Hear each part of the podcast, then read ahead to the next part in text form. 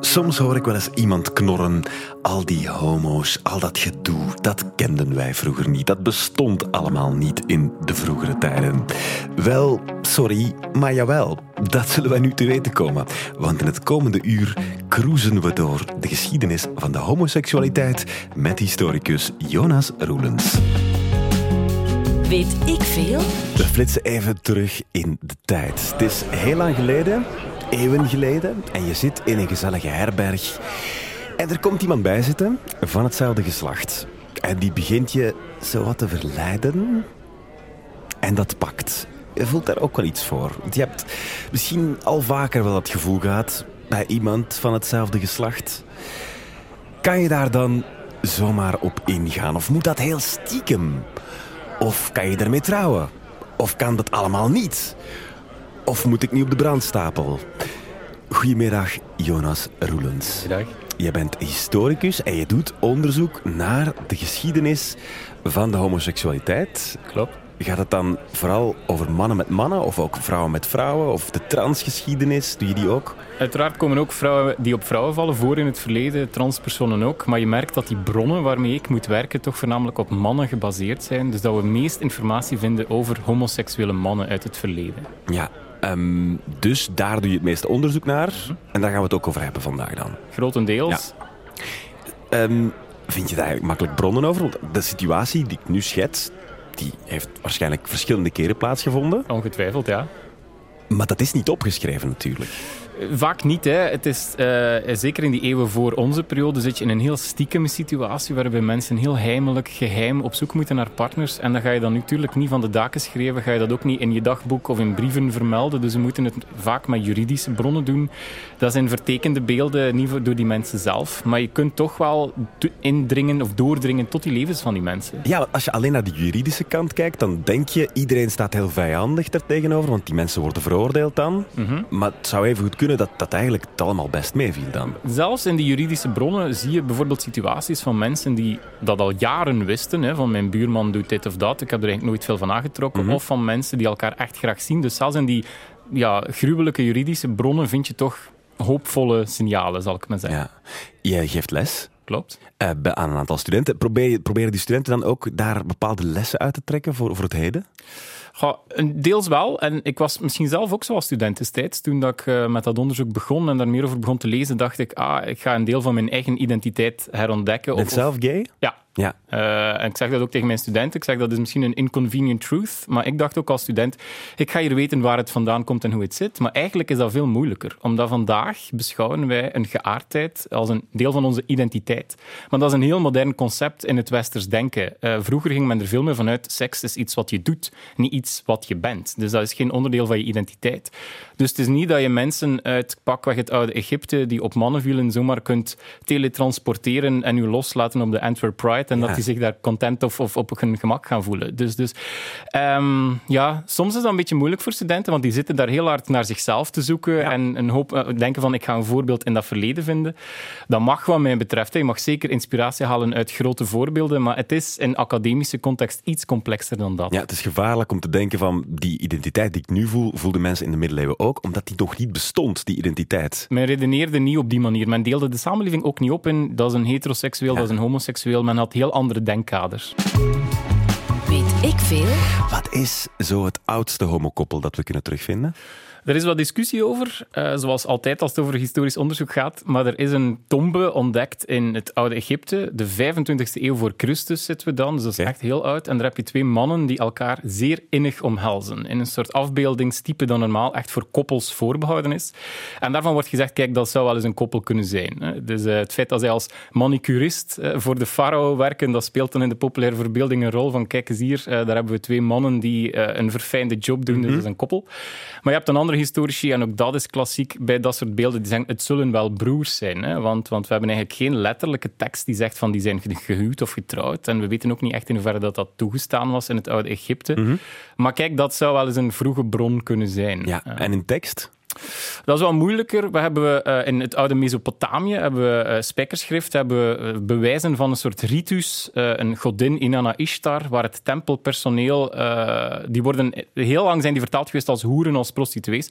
Maar vandaag vertalen we dat eerder als transpersonen, als mensen die op mensen van hetzelfde geslacht vielen. Dus je ziet dat daar in die bepaalde cultuscontext toch ook wel ruimte was voor mensen die buiten die norm vielen. Oké, als we dan een beetje verder de tijd in gaan. Um, de Grieken, de oude Grieken, daar denken veel mensen aan wanneer ze denken aan de Mhm. geschiedenis van de homoseksualiteit. Daar zijn veel vermeldingen van, hè, Ja. toch? En we spreken ook nog altijd over de Griekse liefde of de Griekse beginselen, dus dat is echt ja. wel door. Ja.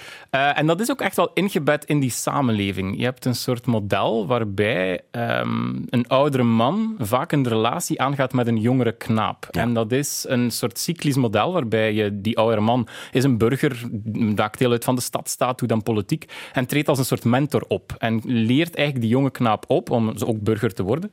Maar er komt ook een seksuele relatie bij kijken. Dus dat is wel leeftijdsgebaseerd en hiërarchisch georganiseerd.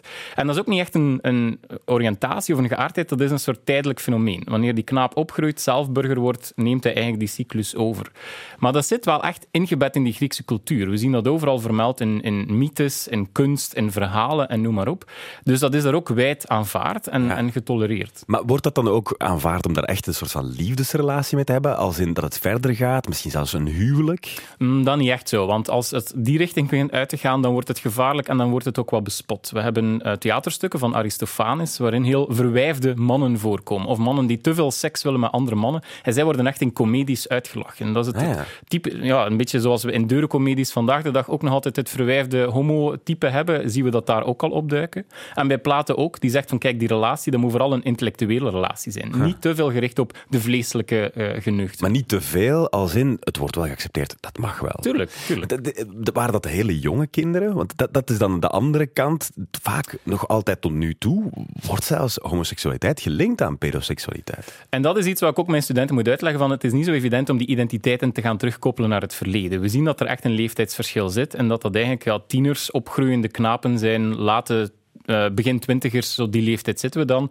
En die volwassen penetrerende partner, want ze hebben ook een heel duidelijke onderscheid in seksuele activiteit, die is een stukje ouder. En dat klinkt misschien wat oncomfortabel eh, in onze hedendaagse oren. Maar het hele idee dat je als, eh, in een relatie dat je gelijkwaardig bent op basis van leeftijd, op basis van sociale rangorde, noem maar op, is echt iets heel recent. Verschil wordt eigenlijk geërotiseerd. Hè. Verschil in leeftijd, verschil in huidskleur, noem maar op. Een soort exotisme. Dat zit daar heel hard in gebakken. Ehm, een soort vieren van het vergankelijke, van het schone ook. Hè. De, de jongen, de puber, wordt echt bewierookt, omdat dat zo een tijdelijke fase is. Oké, dus dat, dat is op dat moment zo. En dat wordt toen geaccepteerd. Bij de Romeinen, ja, daar, daar hoor- lees je regelmatig over, over orgieën en zo. Was het allemaal heteroseksueel dan? Dat beeld van die orgieën dat is ook een soort Hollywood-constructie. Bij de Romeinen is die seksualiteit veel meer aan regeltjes gebonden, maar zij nemen wel heel veel elementen uit die Griekse cultuur over. Hè. Die, die goden krijgen wel een andere naam, zijn eigenlijk dezelfde. Dus zo is bij de Grieken die een jonge man ontvoert, Ganymedes, naar de Olympus omdat hij er verliefd op wordt. Ah ja, de Zeus zelf. Ja, ja, ja. Zo is ze natuurlijk om de vijf minuten verliefd op stervelingen, Ja, maar waar, ook op, op eh, mannen, op jongens. Ook bij die Romeinen zie je die verhalen opduiken. Ah ja, die worden wel meegenomen, Ja. die verhalen. Eh, maar bij die Romeinen is het nog net iets strikter. Eh, die hele idee van een mentorschap, dat, dat doen ze niet meer echt. Het is veel, zeer belangrijk dat als Romeinse heer dat je je status behoudt. Dus je mag perfect seks hebben met mannen, maar het moet iemand zijn die jij penetreert. Dus jij moet de actieve rol opnemen. En het moet iemand zijn die lager in rangorde staat. Dus geen enkel probleem als jij slaven koopt op de markt om daar van allerlei seksuele handelingen mee te plegen. Maar zij mogen wel niet jou penetreren. Ah ja. Maar dat- is echt gewoon om, om, om, om de status te behouden. Ja, gewoon. ja. Eh, het, het is allemaal oké zolang dat die homoerotiek de gemeenschappelijke hiërarchie niet ondermijnt, bij wijze van spreken. Ik heb hier een quoteje uit eh, Spartacus, de film, eh, waar het daar ook over gaat. Er wordt dan verwezen naar seks tussen mannen en mannen. Met een nogal visuele vergelijking ehm, van geslachtsdelen met diertjes, oesters of slakken. Do you eat oysters? When I have them, master. Do you eat snails? No, master. Do you consider the eating of oysters to be moral and the eating of snails to be immoral? No, master. Of course not. Ja, dat is ehm, relatief duidelijk. Maar dat is natuurlijk ook Hollywood.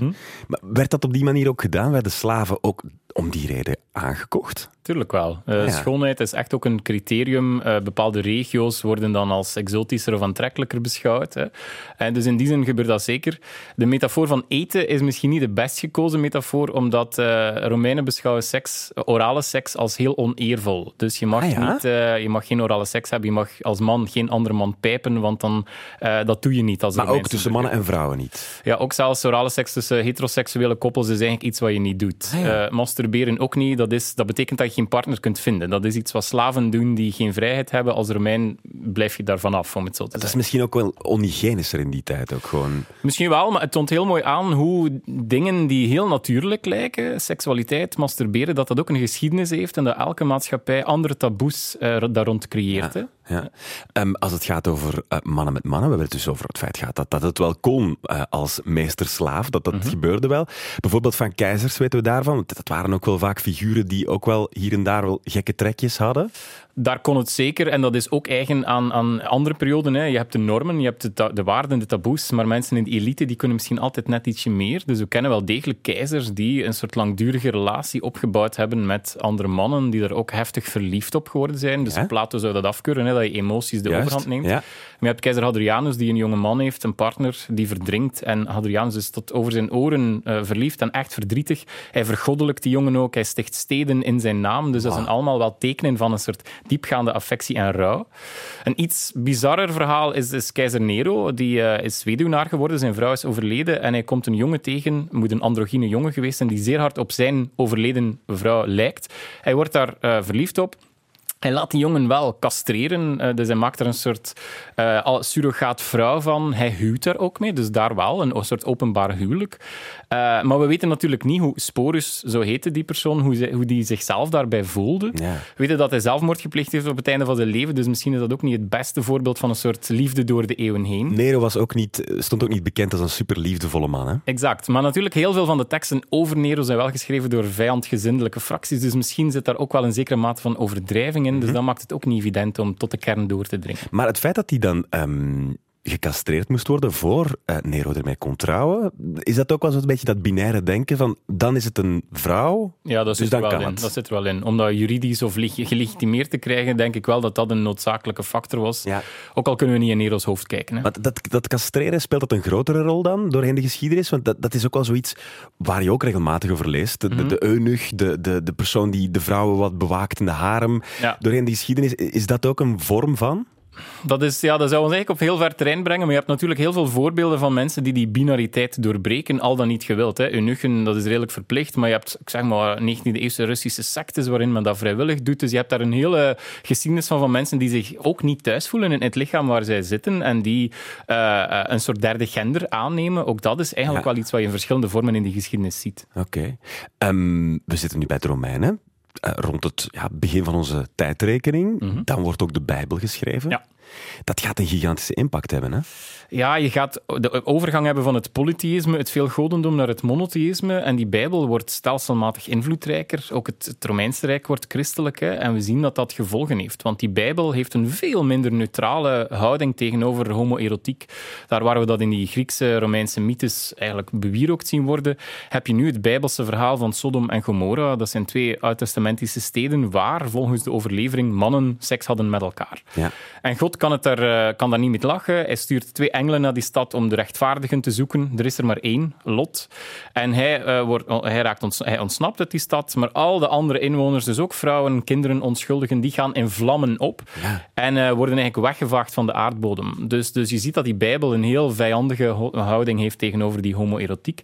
En dat zijpelt ook door naar die Romeinen die ook beginnen straffen toe te passen. Een heel symbolische straf, namelijk de brandstapel, waarbij die uh, goddelijke toren eigenlijk een soort op symbolisch niveau uh, gereenact wordt. Hè? Juist, omdat ook die stad in vlammen opgaat, moet ook de homo uh, ja. verbrand. En daar zit een heel zuiverend ritueel in, waarbij de viezigheid, want zo wordt het beschouwd, wegge weggevlamd wordt hè, en waarbij de stad weer rein wordt. En men doet dat ook heel bewust, want men denkt van kijk, als wij dat niet streng gaan bestraffen, dan kan God opnieuw ingrijpen. Die Ja. goddelijke toren uit bijbelse tijden kan ons ook weer overkomen via vloedgolven, aardbevingen, oorlog, hongersnood, noem maar op. Dus men is daar zeer streng of zeer erg mee bezig. Dan, een individuele handeling heeft collectieve gevolgen. Juist. Ik veel? We waren nu aangekomen bij het einde van zowat de Romeinse periode. De Bijbel is geschreven, krijgt meer en meer invloed. Dan is er natuurlijk het begin van de middeleeuwen. Daar weten we nooit iets over. Dat klopt, dat is een periode. Ja. Eh, ja, weinig schriftelijke overleveringen. Hè. Dus we moeten Ja. een beetje wachten tot zo de 12e, 13e eeuw, vooraleer de mist weer wat optrekt en dat we daar bronnen van homoseksualiteit zien opduiken. Ja, en dan kan ik... Het beeld dat ik daarvan heb is veel brandstapels. Ja, dat? Het is genuanceerder dan dat. Het, het komt geleidelijk op. Het is wel zo dat onze regio koploper is. Wij zijn van de eerste plaatsen waar er zo'n getuigenis bewaard is. 1292 zitten we dan al in Gent, op de Blandijnberg, waar heel veel studenten vandaag de dag dingen uitsteken die misschien ook niet het daglicht mogen zien. Maar daar wordt een man, Jean de Wettre, eh, verbrand omdat hij eh, homoerotiek gepleegd zou hebben. En Ehm, dat, dat, wat betekent dat homoerotiek gepleegd? Is dat staat in de er privésfeer of is Maar dat in het openbaar? Ik zeg nu zelfs homoerotiek, het kan van alles zijn, want het, de term sodomie is eigenlijk een breed paraplubegrip dat allerlei handelingen die niet op voortplanting gericht zijn bundelt. Dus dat gaat over masturbatie, maar dat gaat ook over kindermisbruik of bestialiteit. Ah ja, Dus eh, eh, dat, werd allemaal in Ja. hetzelfde... Dat was sodomie. dat is sodomie. Prostitutie is slecht, overspel is ook slecht, maar net iets minder slecht, want daar kun je wel nog een kind mee eh, produceren. En seks dient voor procreatie volgens die katholieke visie.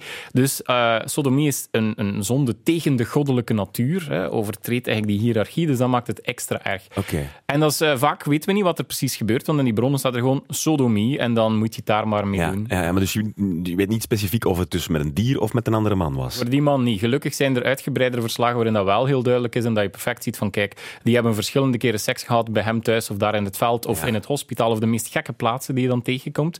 Dus, dus we kunnen er wel iets over zeggen, gelukkig. Je zei net, onze streek was daar extra streng in. Mhm. Ehm, waarom? Dat is zeer moeilijk te achterhalen, maar we zien wel dat er een soort piek is. Eh, dan zit ik in de 15e eeuw, pakweg 1450, en in tal van steden, Gent, Brugge, Antwerpen, noem maar op, zien we dat er een, aantal, dat er een stijging is in het aantal processen. Er is een soort vervolgingsbereidheid die dan ook weer afneemt. In de 16e eeuw daalt het dan plots weer en zien we dat dat eh, bijvoorbeeld in andere regio's opduikt. Hè. Dat is niet dat heel Europa op datzelfde moment op zoek is naar de sodomiet. Mhm. Eh, waarom dat dan bij ons precies in die 15e eeuw is, dat is een moeilijke discussie, eh, waar ik echt mijn studenten veel te lang mee bezighoud. Maar het komt erop neer dat er een soort eh, zoektocht is naar een zondebok. Ja, ja. Dus mensen die in een samenleving in moeilijkheden, die gaan op zoek naar iemand om de problemen op af te schuiven. En een, voor- een goed voorbeeld is bijvoorbeeld de stad Brugge, waar het op dat moment een beetje vierkant draait, is veel gezegd, maar toch niet zo goed meer loopt als in het verleden. Eh, het, zin is, het zwin is aan het verzanden, er zijn politieke opstanden, handelaren trekken weg, eh, de pest heeft de bevolking de eeuw ervoor wat, wat verminderd. En dan zie je dat maatschappijen die het moeilijk hebben, toch vaak met een vinger willen wijzen en die sodomiet, die een gevaar is voor de samenleving, hè, want Ja. God heeft heel die stad Sodom eh, vernietigd. Ja, dat is een makkelijk om dan eh, op die brandstapel Net te zoals dat bij de Joden wel eens gebeurde, met de heksen. Ja, ja, je ziet dat die, die zoektocht naar zondebokken eh, heel sterk aanwezig is in de menselijke dynamiek, maar dat die groep zelf verschuift. Ja. Dus als de pest woedt, dan zijn de Joden de schuldigen, want zij hebben waterputten vergiftigd. Als Calvijn en Luther hun reformatie aankondigen, dan gaan we ketters op de brandstapel gooien. Dus je ziet dat, dat die blik sch- verschuift zich. We hebben het trouwens gisteren in de vorige aflevering van Weet ik Veel nog over Brugge gehad. Die kan je Mhm. gewoon gaan beluisteren natuurlijk.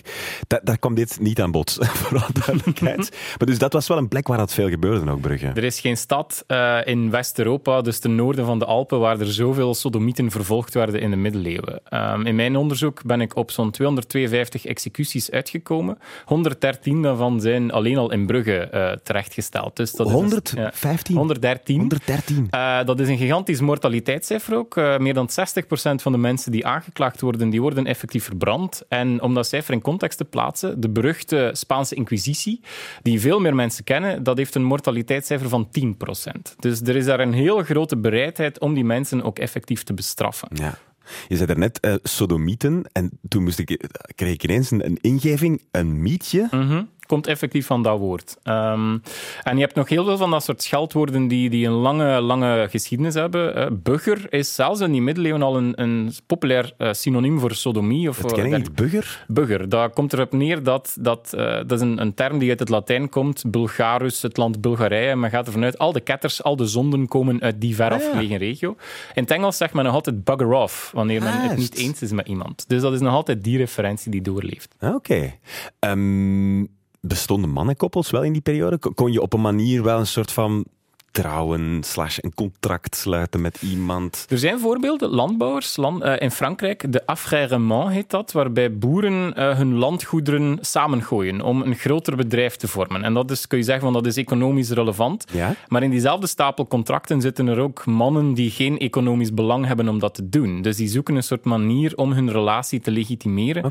En van die mensen wordt ook wel gezegd, kijk, ook in die periode bestond het samenlevingscontract avant la lettre al. Ja. Dus ja, eh, en ook in mijn resultaten of in mijn bronnen heb ik mensen gevonden die jarenlang optrekken. Die moeten dan wel heel vaak verhuizen, want zij worden vaak wel weggepest of dergelijke meer. Maar je ziet van, ja, je kunt dat eigenlijk niet anders omschrijven dan een relatie volgens Ah, mij. Oké. Bij ons was het heel moeilijk. Mhm. heel, heel, eh, moet je, moest je heel verdoken zijn of vertrekken. Ja. Waar konden mensen wel naartoe gaan die een beetje vrijer wilden leven in de middeleeuwen? Een bijzonder interessante uitzondering is eh, Italië en dan meer bepaald Firenze. En eigenlijk staat Italië in heel Europa bekend als een soort vrijgeleide. Uh, du bist ein Florenzer, dat zeg je in Duits als je iemand een mietje wil Echt waar? Ja, ja. Ah. En dat is een stad die eigenlijk een beetje die klassieke traditie in ere houdt, waarbij men zegt van kijk, als overgangsritueel mag dat, tolereren wij dat, gooien wij geen mensen op de brandstapel, maar geven we ze gewoon een boete. Want in Italië kun je pas als man huwen wanneer je financieel zelfstandig bent. Als je een gezin kunt stichten, als je een zaak kunt opstarten. Maar natuurlijk, eh, pubers zijn al veel langer voor die fase eh, geil, hitsig, seksueel actief.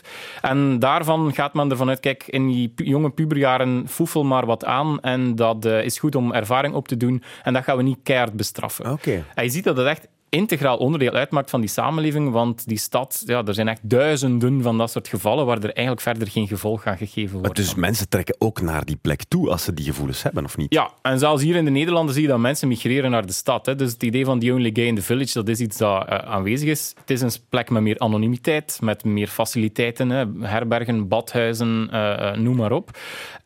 Ja, dus je ziet dat mensen dat soort sferen opzoeken. Ook al georganiseerd als in die plek, in dat badhuis? Bijvoorbeeld in Brugge zijn er badhuizen waarvan geweten is als je daar inderdaad op de juiste manier naar iemand kijkt, tegen iemands voet tikt, dat daar een date in zit. En dat Allee. kan mislopen. Hè. Je, je raakt dan iemand aan in het badhuis, wat eigenlijk het stoombad is, hè. dus de sauna af alle letteren. Ja, en als die blik dan niet beantwoord wordt en je hebt het verkeerd geïnterpreteerd, dan komt dat tot een proces. Maar even goed zijn er daar heel veel welgeslaagde Ja, ja. dates plaatsgevonden. Hè. Eh, We hebben het nog niet over vrouwen gehad. Aan het begin zei je van, het is heel moeilijk om daar iets in ja, terug te vinden. Ehm, Dat heeft, eigenlijk, te dat heeft zeggen? eigenlijk te maken omdat mensen in die tijd denken seks dat is fallocentrisch. Dat is, je hebt een ontvanger, een vagina of een kont en een penis en die moeten elkaar vinden. Ah, ja. En dus het idee van twee vrouwen die het met elkaar doen is voor theologen, voor juristen heel moeilijk. Daardoor zie Toevallig dat zijn dus- het ook allemaal mannen die... eh, ja, tuurlijk, tuurlijk. Het zijn mannen die de, de normen bepalen.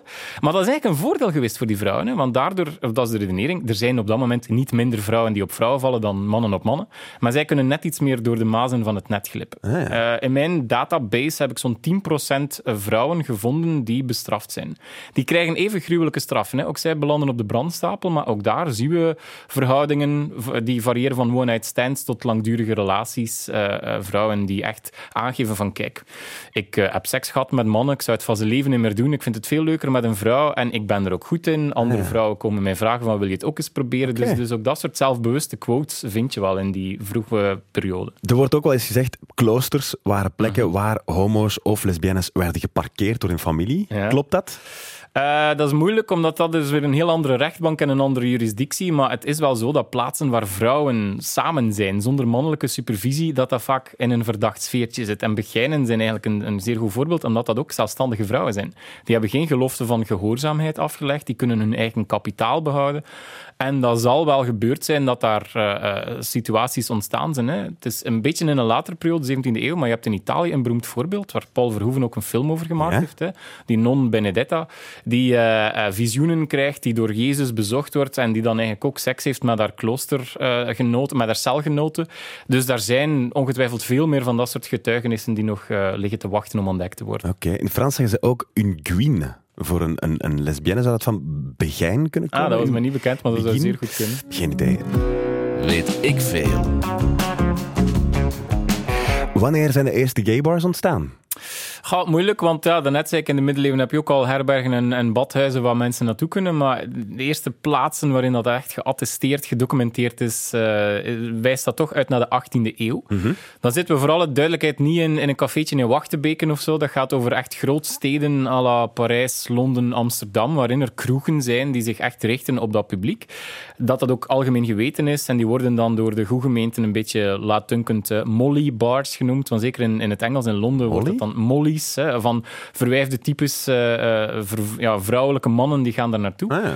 Maar dat is wel een plek, hè. die worden soms ook wel binnengevallen hè, door mensen die het daar niet mee eens zijn. Dus het is niet dat dat volledig ongevaarlijk is, maar je, dat is wel gekend. Er zijn plaatsen waar je kunt cruisen, waar je elkaar kunt vinden. Er worden codes en bijnaampjes ontwikkeld. Dus dat is een eh, momentum waarop heel wat historici zeggen, kijk, hier begin je toch voor het eerst sporen van identiteitsvorming te Ja, zien, waarbij soort- dat niet louter gaat over losse seksuele handelingen. Het gaat maar niet, niet alleen maar over de gemeenschap, maar ook over de gemeenschap.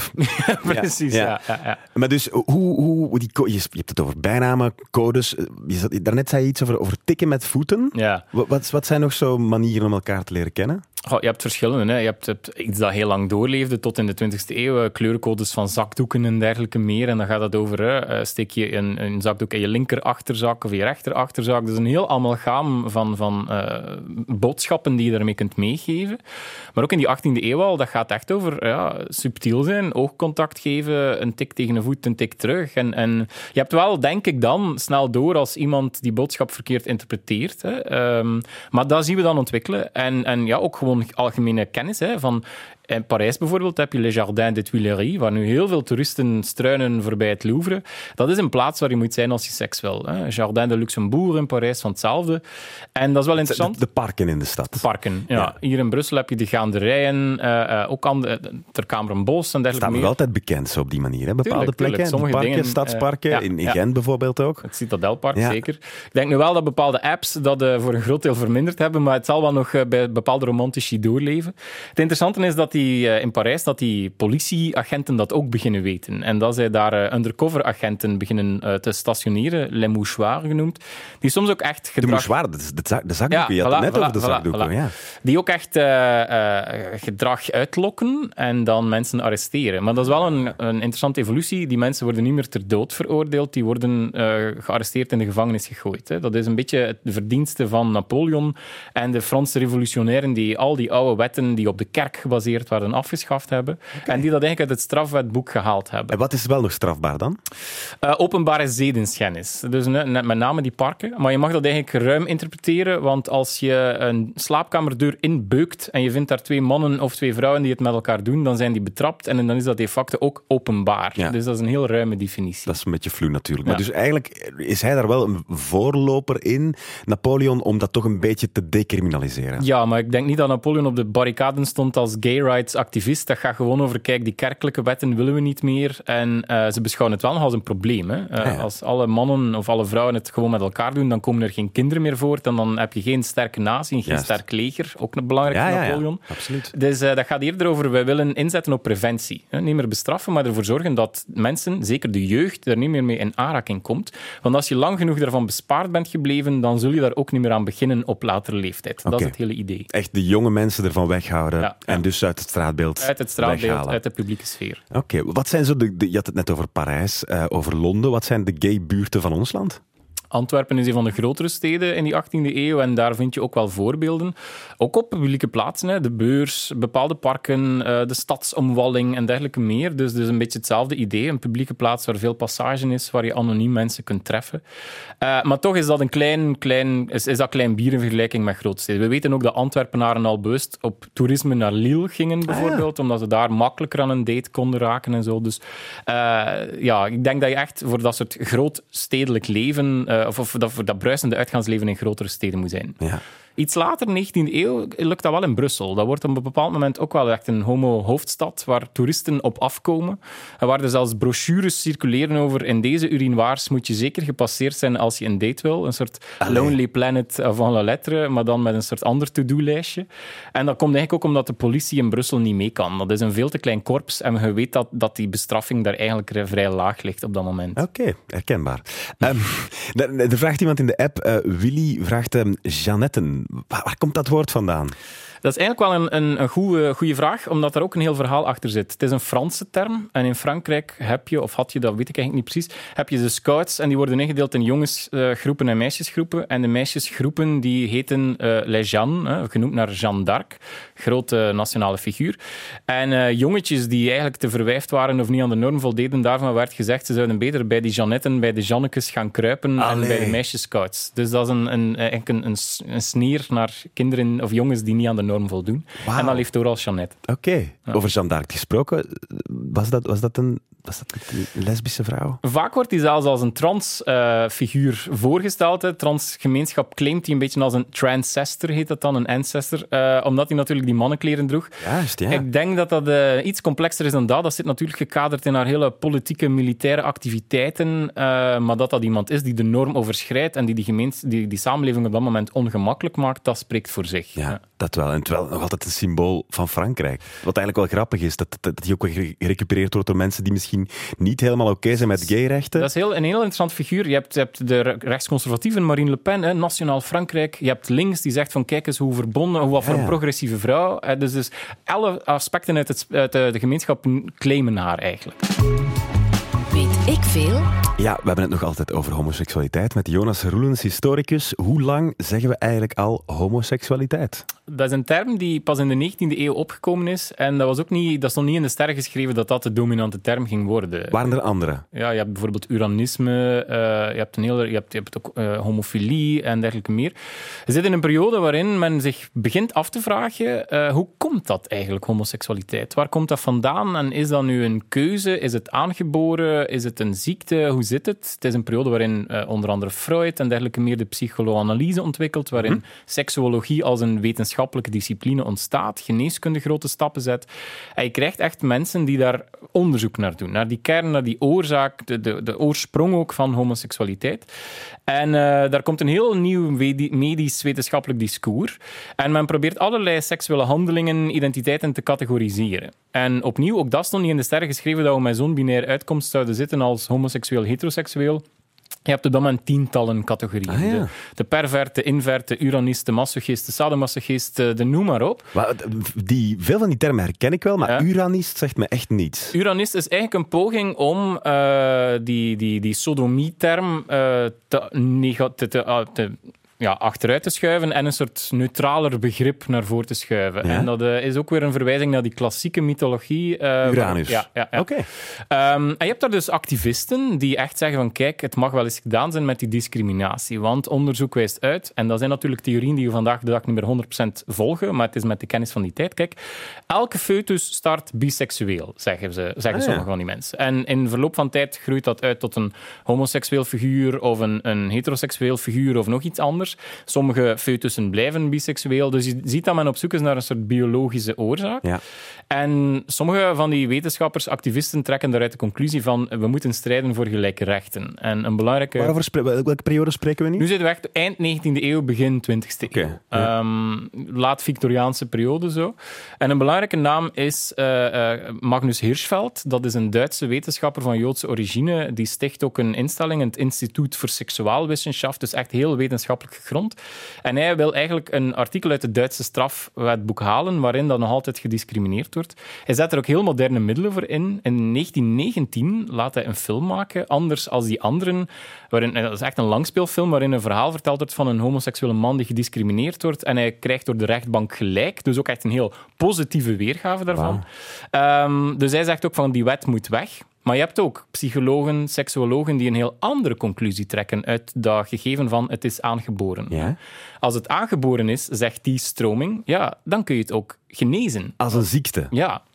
En dan krijg je een hele strekking van, van gruwelijke tafereelen, van eh, hersenschokken tot, tot hormoonkuren, tot lobotomieën, tot ijsbaden en dergelijke meer, om die mensen van die afwijking eh, eh, te genezen. Ja. Dus wat er in eerste instantie als een vooruitgang lijkt, hè, van het is, het is geen individuele keuze, het is niet jouw schuld, Ja. heeft toch ook weer van die, die dubbele gevolgen gehad. Oké, dus dat is niet zo'n superpositieve periode, ook niet voor de gayrechten. Je ziet dat er de eerste verenigingen ontstaan en dat, de eerste strijdpunten eh, op- opgeworpen worden. Maar het is toch ook een periode waarin ik liever niet geleefd zou hebben Nee. als je dat soort kuren moet ondergaan. Want het is ook een heel ehm, perfide systeem. Zo'n persoon wordt gedwongen om een hormonenkuur te nemen, wil daar zo snel mogelijk vanaf, zegt tegen zijn dokter, ah, dokter, het helpt hoor, ik vind vrouwen plots aantrekkelijk, om ervan af te zijn, waarop die dokter weer een streepje in zijn tabel trekt, weer een geslachtvoorval, huppa, dus we gaan het nog toepassen, want de methode werkt.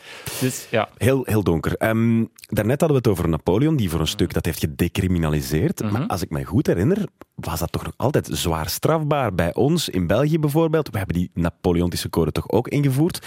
Wanneer hebben ze dat dan teruggedraaid?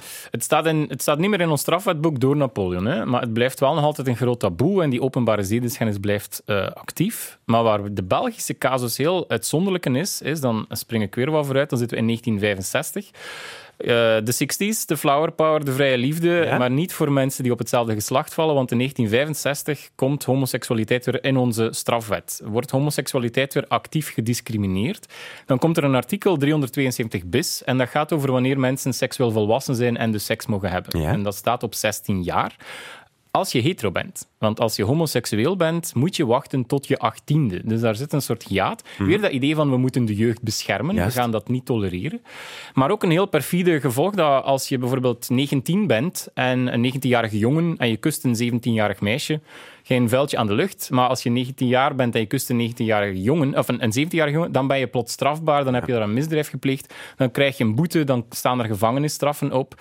Dat is natuurlijk heel traumatiserend voor jonge mensen die zichzelf aan het ontdekken zijn en, en aan het experimenteren zijn. En iets wat eigenlijk vrij normaal zou moeten gebeuren, ja, dat loopt niet in die periode. Ja. En het heeft tot 1985 geduurd voordat die wet weer geschrapt werd. Oké. Wie waren in België de grote helden? Ook dat is een eh, specifiek of uitzonderlijk verhaal. Eh, wij zijn een van de weinige landen waarin die beweging, of een van die eerste organisaties, door een vrouw opgericht is. Hè. Ah ja. Eh, Suzanne de Poues heet die. Die had een, een, of een, een, een bijnaam. Suzanne Daniel heette zij. En eh, die, die kun je misschien kennen omdat ze sinds kort ook een brug heeft. Ik woon er vlak naast. Ja, ah, kijk, Ja, voilà, dat is het dus.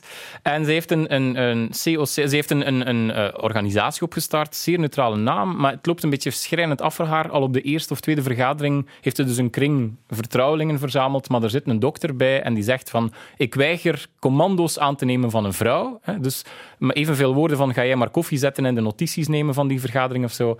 En zij vertrekt gedegoteerd en zij geraakt eigenlijk tot zeer kort geleden in de vergetelheid. Uh, maar dat is dus wel de eerste start geweest. En ook die, die, die wetgeving, die 372 bis, is echt een belangrijke sleutel geweest om die verenigingen te gaan organiseren, om een gemeenschappelijk doel op te werpen en om eh, te strijden. Ja. En in 1996 werd dan het eerste samenleefcontract getekend tussen twee mannen in België. Dat was dan Tom Lanois met zijn vriend René Los. Dat samenleefcontract was de eerste keer officieel dat een orgaan, een officieel orgaan, een stad, noteerde dat twee mannen, twee mensen van hetzelfde geslacht, samen woonden Ja. en daar een regeling rond hadden getroffen. Dus dat was Tom Lanois in de podcast van Radio 1 Viva. Lanois, dat, dat, daar waren we ook wel vrij snel mee, toch? We zijn er vrij snel in en dat heeft net veel te maken met dat soort trekkers, met dat middenveld. Want vergeet, vergis u niet, eh, ik denk niet noodzakelijk dat we daar de politiek aan te danken hebben. De politiek volgt eigenlijk altijd de bevolking. En het is door dat soort figuren dat dat eigenlijk vrij snel gekomen is. Ja. Eh, iets later ook, hè, 2003, wanneer we dan het homohuwelijk als, als tweede land ter wereld erkend hebben, dan heb je een soort breuk. Hè. Je hebt die paars-groene regering. Je kunt daar heel triomfantelijk over doen, of je kunt daar iets cynischer naar kijken. Ehm, een collega van mij zegt wel eens dat we het homohuwelijk aan vetsmelter verkest te danken hebben. door, door de, de Oh dioxinecrisis en de val van de... Af, de afleider, bliksemafleider. ja, en ook zo het idee van, ja, je hebt, je hebt een begroting die op zijn gat ligt en dit is gratis beleid, dat kost u niets. Dus, dus ook dat speelt wel een deeltje Is dat mee. niet te cynisch, Jonas? Dus te cynisch voor dit uur van de dag, denk. Ja.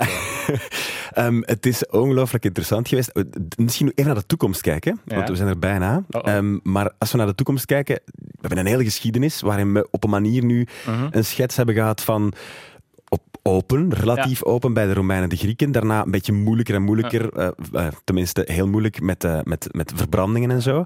Nu weer heel open, totaal geaccepteerd. Het mag op je paspoort staan Mhm. dat je trouwt met een man als je man bent, of vrouw met vrouw.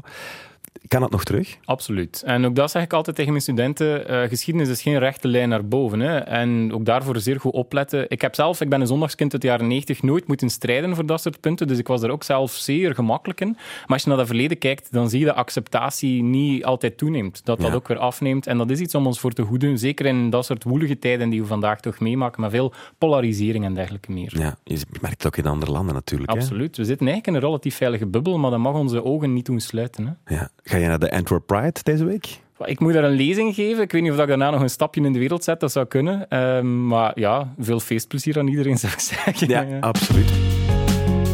Weet ik veel? Zo, 2000 jaar aan gaybashing op uw bord hier in Weet ik Veel. En ook de positieve kanten natuurlijk. Dankzij Jonas Roelens, historicus. Veel meer interessante podcast vindt u op VRT Max.